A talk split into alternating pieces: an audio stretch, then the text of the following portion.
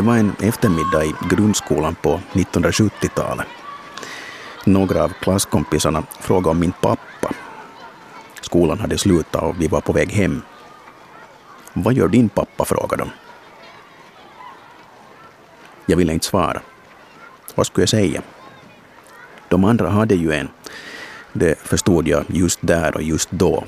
Jag sa ingenting och de undrade igen. Det tog mig en stund att tänka ut vad jag skulle säga.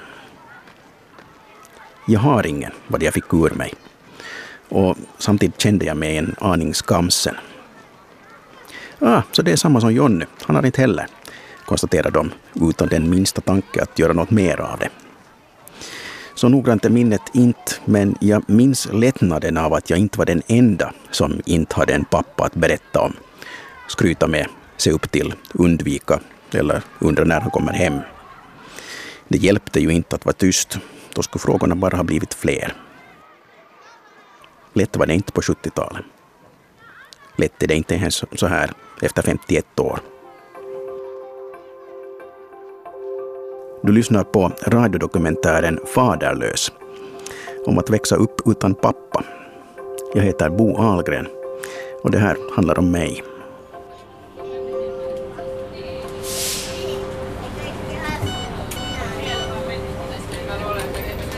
När man kommer till en viss ålder så sitter man där på tåget, eller metron i det här fallet. Och så funderar man på vilken station man egentligen ska stiga av innan det är dags för ändstationen. Tidigare har tåget gått så fort att allting susar förbi så snabbt att man inte ser ordentligt vad det finns omkring en. Det är allt från dödsrädsla till ångest innan man lugnar ner sig inför det oundvikliga. Hur hamnade jag hit? Vad var det som hände? Varför har jag så många fel och brister?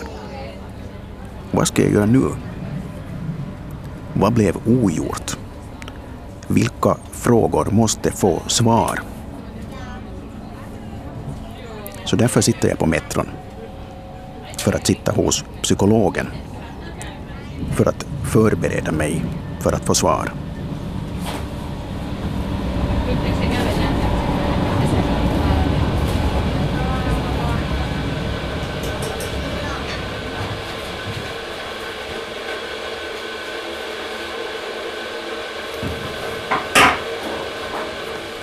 Och sockermjölk.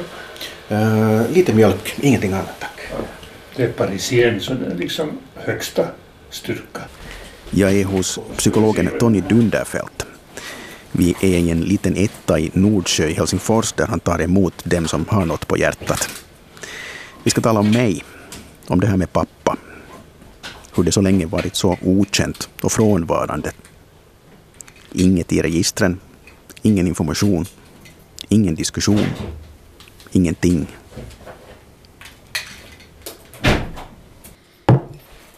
Ska vi då liksom idag göra en, en, en liksom session så att säga direkt? Är det, är det, tycker du det är bra så? Jo, om, om, du, tyck, om du tycker jag, Ja. jag överlämnar mig i dina Okej. kompetenta händer nu. Så att, Ja. Ja. Hitta det här, vad, vad har det gjort med mig? Att, det här med att jag egentligen inte vet någonting alls om min biologiska pappa. Så att det, det, det fanns ingen pappamodell under de, mina tolv första år. Sen gifte sig min mamma med en man och vi flyttade till landet och så här sen. Och sen gick det nog några år innan jag insåg att jag har ju en där. Jag var ju 12, 13 när, vi flyttade till, ut på landet till ett jordbruk. Och jag flyttade med. Västra Nyland eller Östra Nyland. Östra Nyland? Ja, okej, Lappträsk. Lappträsk, Okej, ja, ja. Ja. Och jag följde med och anpassade mig. Inte tänkte jag på den här liksom papparollen då. Det var nog mera flytten och ny skola och flytta, flytta från storstan Lovisa till Lappträsk. Okej, det var en markant förändring. Nå, ska vi säga att det, det fanns 450 elever i den skola jag började i. Och sen plötsligt så satt, var jag i en klass där det var två klasser ihopslagna och det, var väl bara? 12 stycken. Ser du faktiskt, ja. Och det liksom upplevde jag som att det var på något vis för litet för mig. Jag gillar att bara ha mera folk omkring mig. Ja. Och så här. Men det, det hängde säkert ihop med en massa också. Ja, Ja, och alltså biologiska pappan, var det så att det var ett, ett kort förhållande bara med, med din mamma? jag vet inte. Jag, aldrig, jag, jag vet inte alls. Ah. Det är en sak jag ska ta reda på. Jag har inte talat med min mamma. Det var nämligen någonsin. Jag har en gång frågat då när vi hade precis flyttat till Lappträsk men jag minns inte riktigt vad hon svarade men jag fick klart för mig att det behöver vi inte diskutera just då. Mm. Så att, ja, jag antar att det har att göra med att det kanske inte i slutet på 60-talet ännu var så lätt att vara Det var säkert hemskt. Det var, utan parförhållande. Ja, det var stor skam. Ja, Stor skam. ja, så att eh, ja, jag tänker inte liksom gräva i hennes liv. För att jag, jag liksom känner inte att jag, jag behöver Ja. att jag behöver liksom om det är någonting som är så, så känsligt att det river upp saker för henne så behöver jag inte det för det, det har jag inte jag upplever ju inte att eh, jag haft en dålig barndom.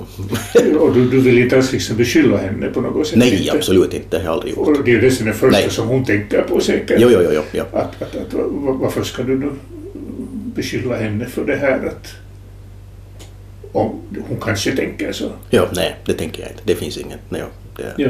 Men jag, ska, jag vet inte hur jag ska ta upp det här. Det, Ja. Men jag, jag, har, jag tror att jag, jag i, i, i gymnasiet så har jag gått i en klass där jag har haft en kusin.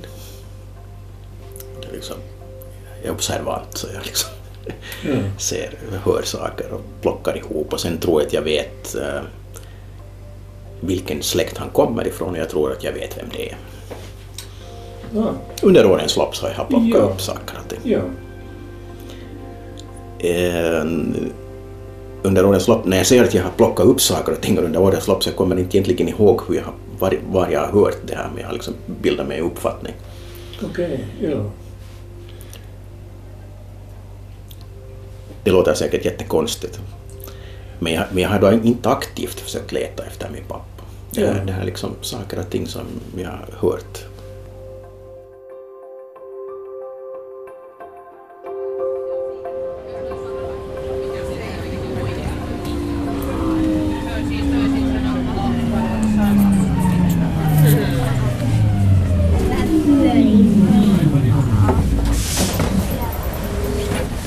Jag tar till telefonen och skickar meddelande.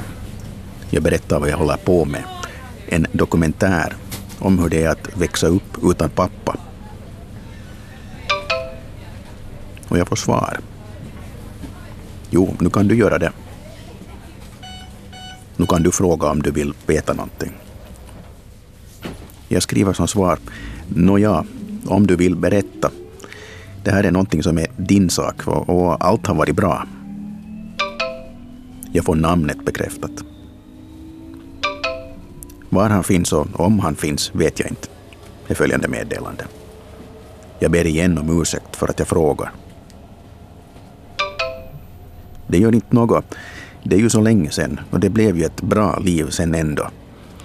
Nu var det svåra tider men tack vare mommo så gick det. Jag fick bo hemma och sen skötte hon om dig när jag jobbade. Jag ber igen om ursäkt för att jag frågar. Jag tycker att problemet är till för att lösas. Fråga bara. Jag svarar om jag kan.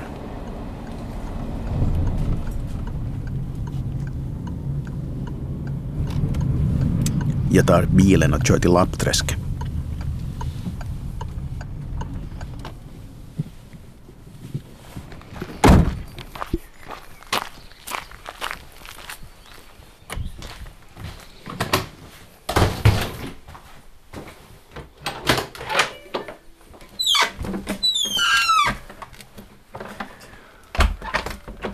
Solen börjar lysa. Nu var det nog kallt. Jag satt där på bron, bron med, Nej, just det. med Nej, nej, pussel. nej, det är varmt och skönt.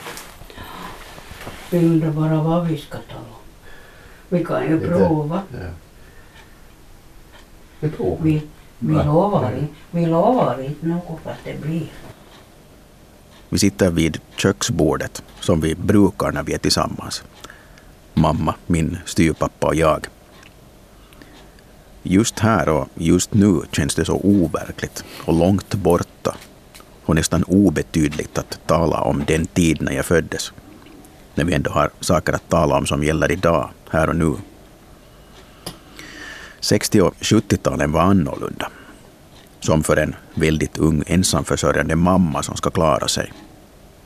Skolan var annorlunda. Jag var ju en av de första som fick gå i grundskola, hela vägen, så långt man orkar och vill. Tidigare var det jobb som väntade direkt efter folkskolan och medborgarskolan, eftersom det för många kostade för mycket att fortsätta utbilda sig. Uh, jag gick åtta. 57 till 65. Just det. Och vad gjorde ni sen? Jag började sköta om barn. Ja, jag var Jordbrukare. ja. Säkert medan du var i skolan då? Och jag gick ju till någon skola och vidare. Nu, tänkte jag ju på Västan kvar men det blev Nej. Och du, och du, du började sköta, sköta om barn, sa du? Ja. Ja, berätta om det. Jo, jag började sköta om en pojke. Han var, han var halvt år. Sen fick han en lilla syster och så skötte jag om dem. Och sen måste jag ju säga att sen blev jag själv mamma. Så slutade jag dit ifrån. Ja, hur gick det sen då? Vad var det? Jo. Nå, så började jag vara ett annat ställe nu. Men sen började jag på fabriker. Funderar du på något annat? då? Nej, det gjorde jag nog säkert inte. Hur, hur var det då? Vet jag, nu var det ju helt bra. Jag var ju då dit i Lovalo och det där mellan 70 och 78. Och så flyttade jag till Lappträsk. mm. Ja, ja, då flyttade jag med. Jo, Just ja, det. just det. Men hur var det då? Men du inte med samma Hur gick väl klassen till slut? Då? Ja. Ja, jag kommer ihåg att jag brukar fara en viss dag klockan sex till telefonkiosken och ringa. ah, ja. Mm. det, det kommer jag ihåg. Nej, Jag tror nog att det gick det var den, termin till slut och så. Mm.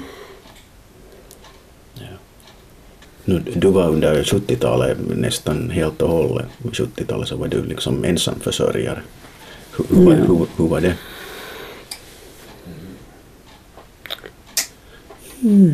Vad ska jag ju- det säga? är ganska länge sedan. Nå, nå, nå. Tycker jag att inte var det nu något så dåligt heller. Det nu gick det och det. Men det var ju nu det för att jag hade mamma. Jag var ju inte, behövde ju inte vara ensam på det viset. Hon skötte om dig och då när det behövdes. Hur- hur- om, om man tänker på liksom, om, om attityderna omkring för ensamförsörjare på 70-talet, var det, var det liksom... Hur upplever du det? Jag tyckte nog att de som var omkring mig så inte... Nu var det helt normalt bara att det var så. Inte, inte kommer jag ihåg att någon skulle ha haft någon annan åsikt. Ja. Jag har fortfarande svårt att fråga. Och nej, därför talar vi vid köksbordet inte om vad som konkret hände. Vem, var, hur. Det känns oviktigt. Bara för att tillfredsställa en enkel nyfikenhet. Det viktiga är vad som hände sen.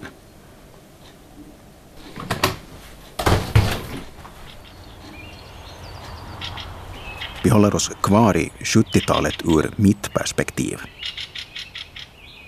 Det var ett enkelt frontmannahus med en skyddad gård. Ett litet berg som skyddade mot ett håll och en bergsklack åt ett annat håll så man inte behövde bry sig om grannarna. Skyddad gård och skyddande tysthet som format mitt minne.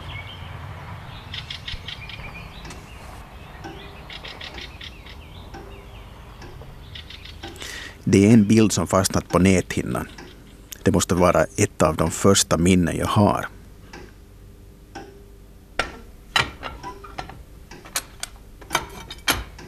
Jag ser på Mommo i köket hur hon dragit en stol framför vedspisen och sitter med luckan öppen för att röken från cigaretten genast ska ut.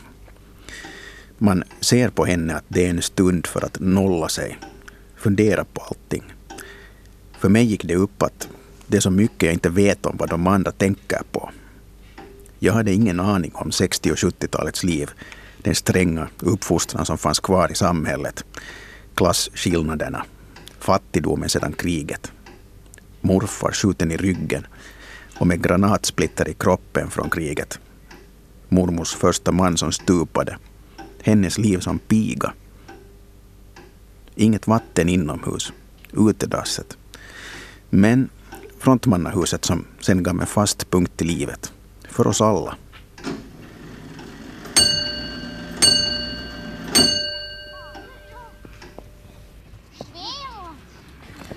Min gård. Lidret med dörren som var mitt fotbollsmål. Klätterväggen på berget och den stora björkens kvistar som fungerade bra som lianer. Det var ju först senare jag insåg att ingen pratade om någonting. Så är det. Hårda förhållanden leder till ett pragmatiskt liv. Det är en skyddsmekanism.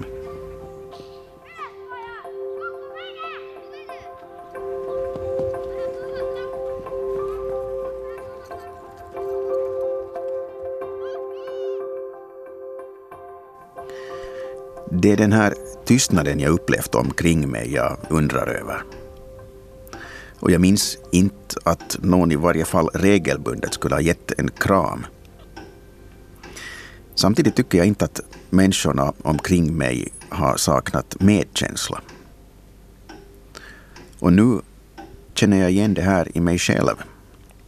Inga stora känslor, fastän empatin alltid finns.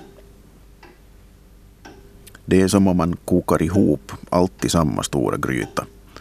Jag hade ingen klar fadersgestalt och det var kvinnor som uppfostrade mig i huvudsak.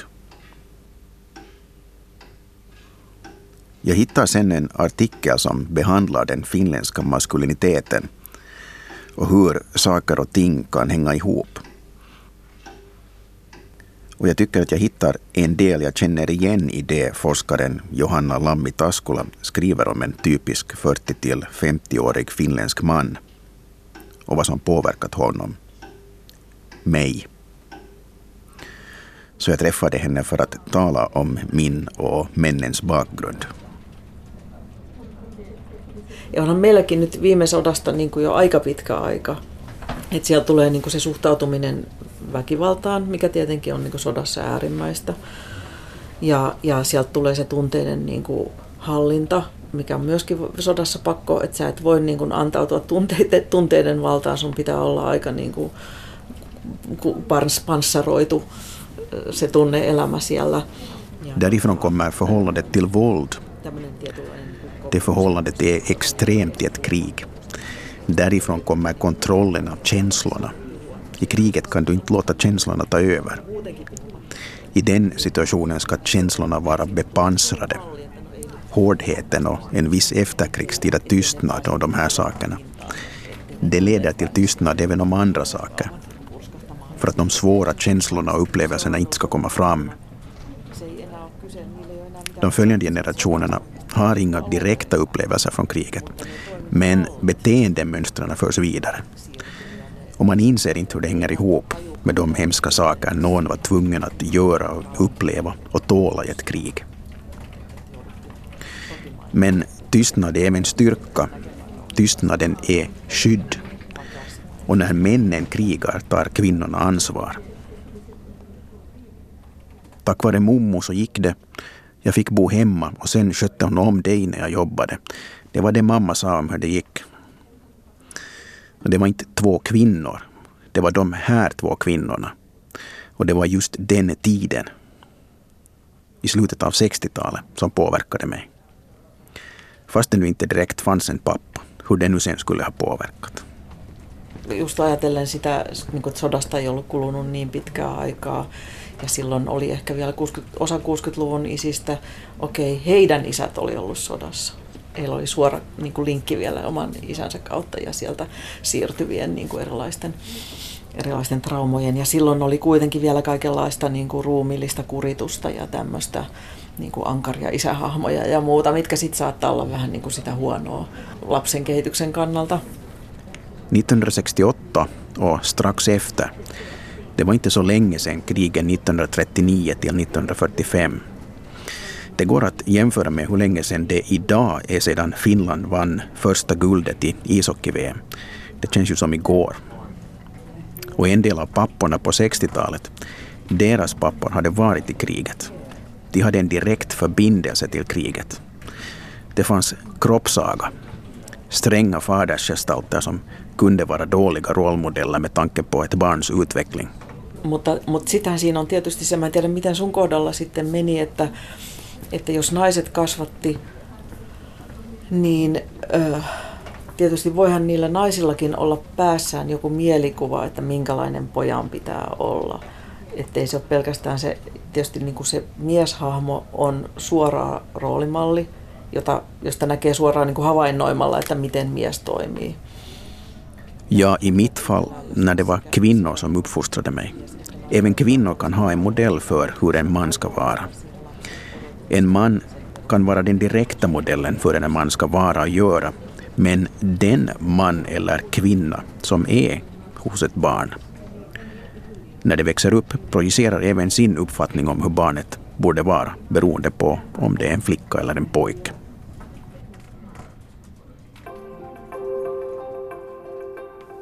Jag börjar vara av den åsikten att pappa är ett så oformligt begrepp att det inte har någon betydelse. Men jag tar namnet och det jag har för att ta reda på.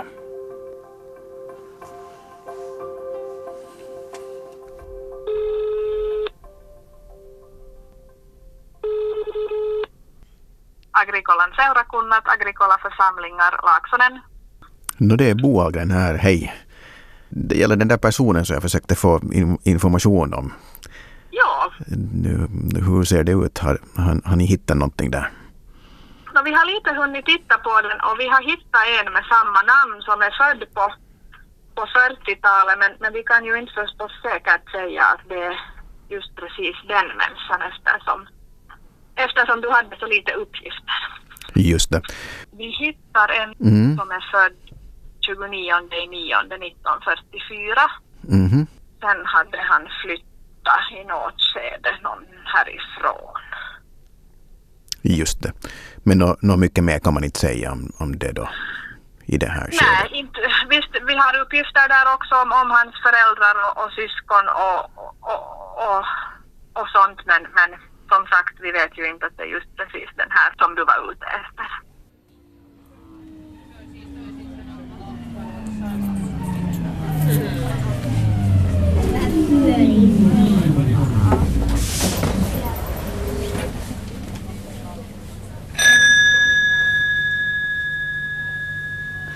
Nu än en gång till psykologen. Man sitter där och plötsligt berättar man allt, försöker hitta helheter och orsaker och pratar på. Nu är det nästan fyra timmar om mig själv, själv, själv. Frontmannahuslivet. Hur jag genast började sluka böcker så fort jag lärde mig att läsa. Hur fotboll var viktigt fast jag aldrig spelade i ett lag. Hur lätt det var i skolan och hur tråkigt det sen blev. Hur många jobb man hunnit med än. Paketbilschaufför, månskensjordbrukare, telefonservicejobb, radiojournalist, nyhetsjournalist, på tidning, på TV. En kommentar för några år sedan var Att du kan då inte hålla ett jobb va? Ja, kanske lite rotlös. Hur ska man lösa ett sånt problem? Vad har det att göra med barndomen i ett frontmannahus med mamma, mommo och muffa? Jag, jag, jag, jag, som man blir trött på det. Just det. Ja. Nåja, nu, nu har jag pratat om mig själv igen. Jo, men jag, jag kan säga någonting till avslutning som jag tänker på. Att, att just, jag tycker att det är så hemskt beskrivande att, att det hela tiden syns i, ditt, i din livs historia att du är liksom öppen, intresserad, du vill gå framåt, du vill inte stanna på stället liksom eller gå in i traditionella cirklar så att säga. Så jag, jag skulle säga att du är liksom en, en, en idérik och skapande människa. Det är liksom som en personlighetsbeskrivning på dig. Och nu skulle någon kunna säga, ty, typisk psykolog skulle kunna säga att Nå jo, det här är nu det att du ville liksom äh, göra din mamma glad eller du, du, ville, du ville kompensera det att du inte har haft en pappa så du ville liksom du, du ville liksom visa att du nog duger. Men jag skulle inte säga så, utan i, i min psykologi så, så har vi det här människans kärnjag, det här liksom inre jaget. Och det lever ganska fritt från yttre förhållanden. Och sen har vi då det, det här som vi har talat om, då, så, vårt, vårt uppfostrade jag. Och då kan det vara att en människa nog, på grund av att den inte har pappa, så, så inte haft en pappa, så den, den här personen, liksom, speciellt då pojken, vill komma fram i livet och liksom visa åt sig själv och andra att han kan nog klara sig fast han inte haft en pappa och allt sånt här. Men, men, jag, jag, tycker att mera din livshistoria beskriver det här kärnjaget. Mm. Och i kärnjaget ingår just det här att varje människa har en viss mening med sitt liv och ibland kan den här meningen vara hemskt oberoende av föräldrarnas mening med livet. Du vet att det här barnet, unga pojken eller flickan kan göra saker som ingen har gjort i hennes, i hennes familj eller släkt. Och det här är då liksom en kärnjagsmotivation så att säga. Mm. Och jag skulle inte säga att det beror på att din mamma var sån här eller din pappa eh, som du inte har mött så var så här.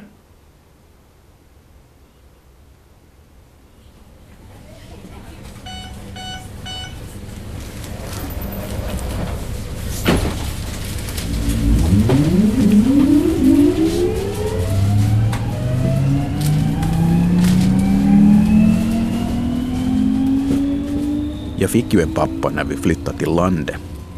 En styvfar. Jag lärde mig att köra traktor och hur man odlar hö, trimma moppon, hur det är att jobba långa dagar.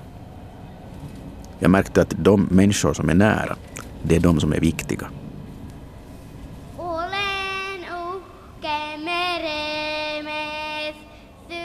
Och sen blev jag själv plastpappa. Hur fantastiskt är inte det där? Den som förlorar är oftast den som inte är med. Lär sig en gång till hur det är att gå vägen med utveckling och insikt. Att se på när en ung människa växer. När man var där själv så är man upptagen med livet så att man inte ser och förstår vad som händer. Det måste ses från sidan en gång till som vuxen. Hur de suger i sig språk bara med att gå i ett dagis på ett annat språk. Hur de gör revolt mot alla regler. Hur de med själ och hjärta går in för något som intresserar dem. Och hur svårt allt är ibland.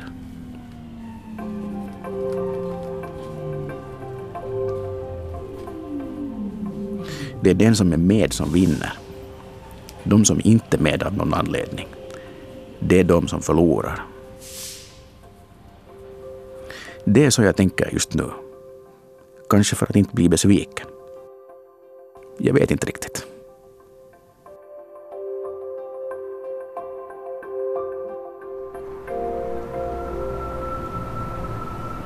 När jag samlar de knapphändiga uppgifterna och kombinerar med lite logik så tror jag att jag har en som passar beskrivningen.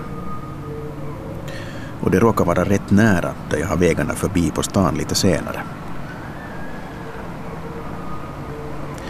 Jag ska vara ärlig. Jag vågar inte ringa och säga rakt på sak. Modet sviker mig, fastän jag inte är nervös, som jag upprepar för mig själv hela tiden.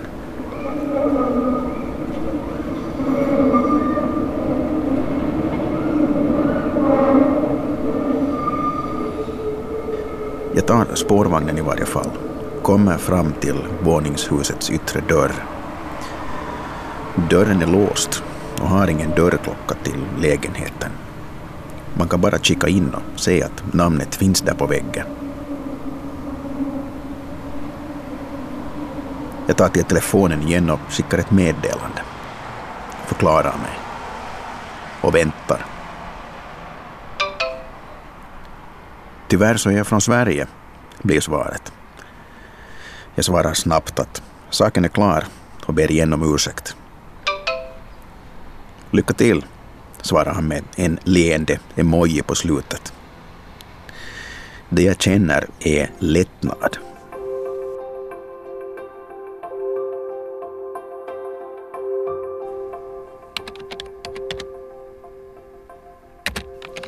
Telefonsamtal och sökmotorerna på internet visar att jag kanske fått reda på rätt person den här gången. E-post till eventuella släktingar ger grönt ljus för att knacka på. Så jag tar tåget igen.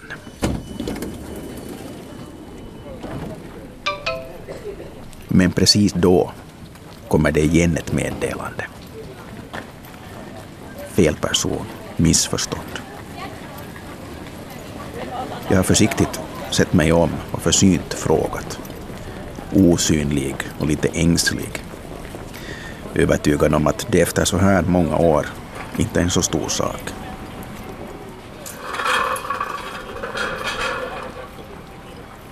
Men nu vill jag ha en avslutning, lösning, en punkt, ett avgörande för att få kontroll över en okänd faktor jag tar namnet och skickar fler meddelanden. Jag utökar ringen av eventuella sannolika släktingar. Då får jag det rätta svaret.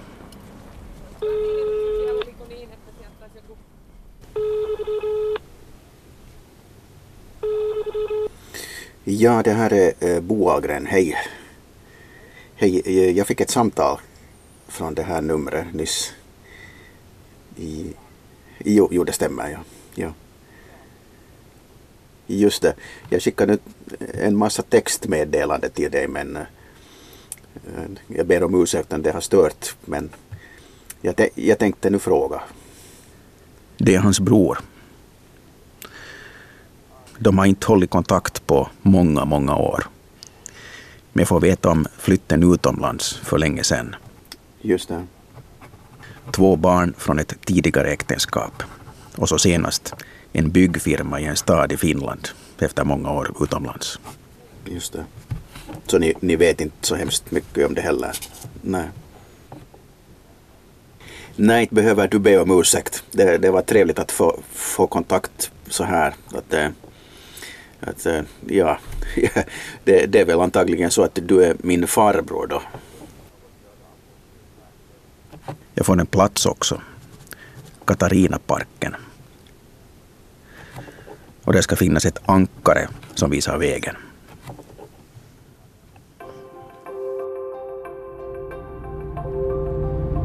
Sväng vänster. Om 200 meter, sväng höger. Sväng höger.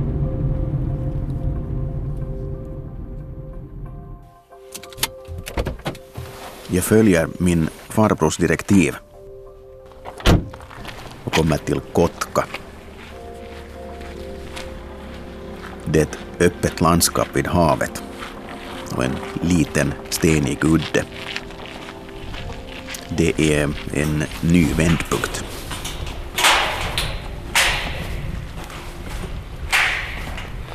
Ja, här är ankare.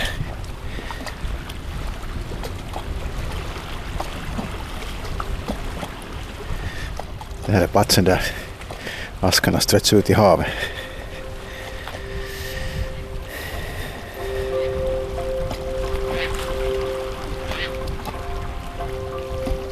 Här slutar de här spåren.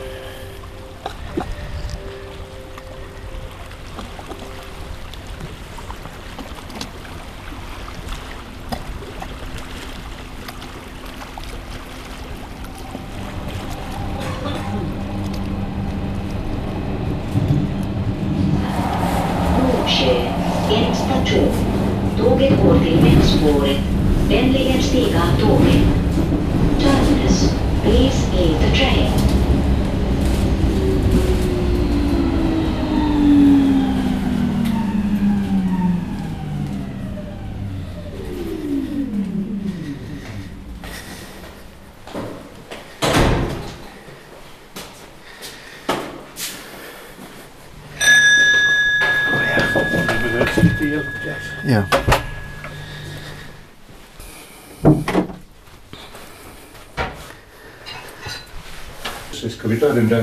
Avslutningskaffen ännu? Det kan vi. Ja. Ja, tack.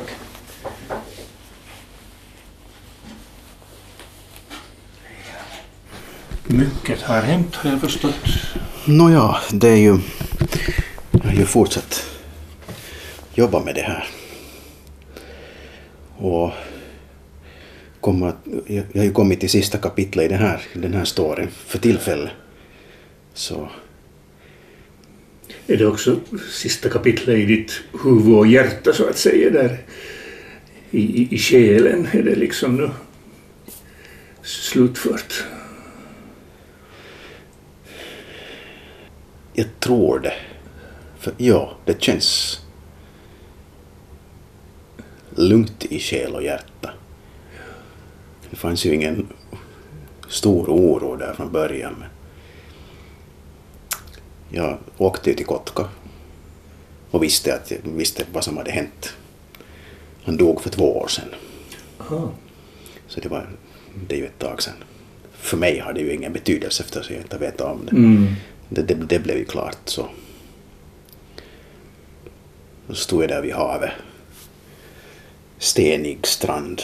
Där, den plats där, där aska strös ut på det där viset. Det finns en liten dikt där och det fanns några ljus som folk har tagit dit. Jag hade nu inget ljus att sätta för att jag vet ju inte riktigt vad, vart jag ska lägga det på något vis. Men det var vackert. Det låter ju hemskt mycket Stor, vackert. Stora fraktfartyg går förbi från hamnen, åker vart de nu åker. Fåglarna kvittrar och vattnet skvalpar sådär. Och längs med vattnet skulle man slippa runt hela världen så att säga. Ja, så det är på något vis symboliskt. Absolut. Alla har sitt liv, man gör det man kan. Och sen hamnar man också någonstans. Och, jag, och det här var nu ett, en vändpunkt för mig att ta reda på någonting. Så står man där vid havet och tittar ut. Och så funderar man på vad är det här för en vändpunkt egentligen. Mm. Och i det läget så kände jag nog faktiskt, det har jag lite, det kanske jag har lite, lite dåligt samvete för jag kände en lättnad över, över att kunna koncentrera mig på andra saker och inte gå in för att bygga upp någon slags ny relation till en, en människa jag inte känner alls. Ja. Så att jag, så att eh, får man säga sånt? Jo, jo, det får man också. Det får man också. För att nu kan du också känna empati med honom för att nu skulle han måste sen igen börja tänka om på hela sitt liv och på dig och vad han har gjort och allt sånt. Och det behövde han nu inte göra. Det där är en Så bra jag tycker, det, tycker det här är en bra, ett bra exempel på faktiskt hur alla känslor är godkännbara. Eh, Men, men sen vad man gör med de där känslorna, det är liksom en lite annan sak. Eller hur man tolkar dem. Men, men, men just den där lättnaden, så det... Man kunde kalla det själens vishet också. För att du kunde ju inte inverka på de här frågorna. Du kunde inte inverka på hans liv. du kan inte in, inverka på hur det här havet rör sig. Vet du, så det är det. Okej. Livet har sin gång. Jag gjorde allt vad jag kunde. Lättnad. Ja. Bra. Okej, nu ska jag inte hålla dig längre. Tack, tack. Ja, jag ska ändra några saker idag. Så. Ja, bra. Tack så mycket. Moi moi.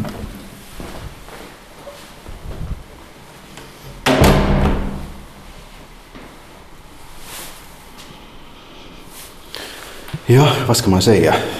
Man stänger en dörr bakom sig och ser till att man inte har så mycket i ryggväskan eller i bagage. Och sen öppnar man en annan och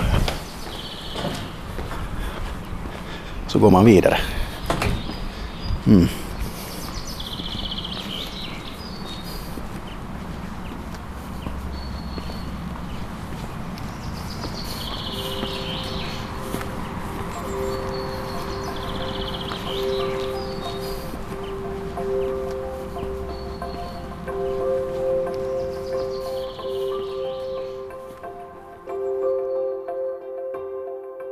Du har hört dokumentären Faderlös som handlar om min historia. Hur det är att växa upp utan pappa.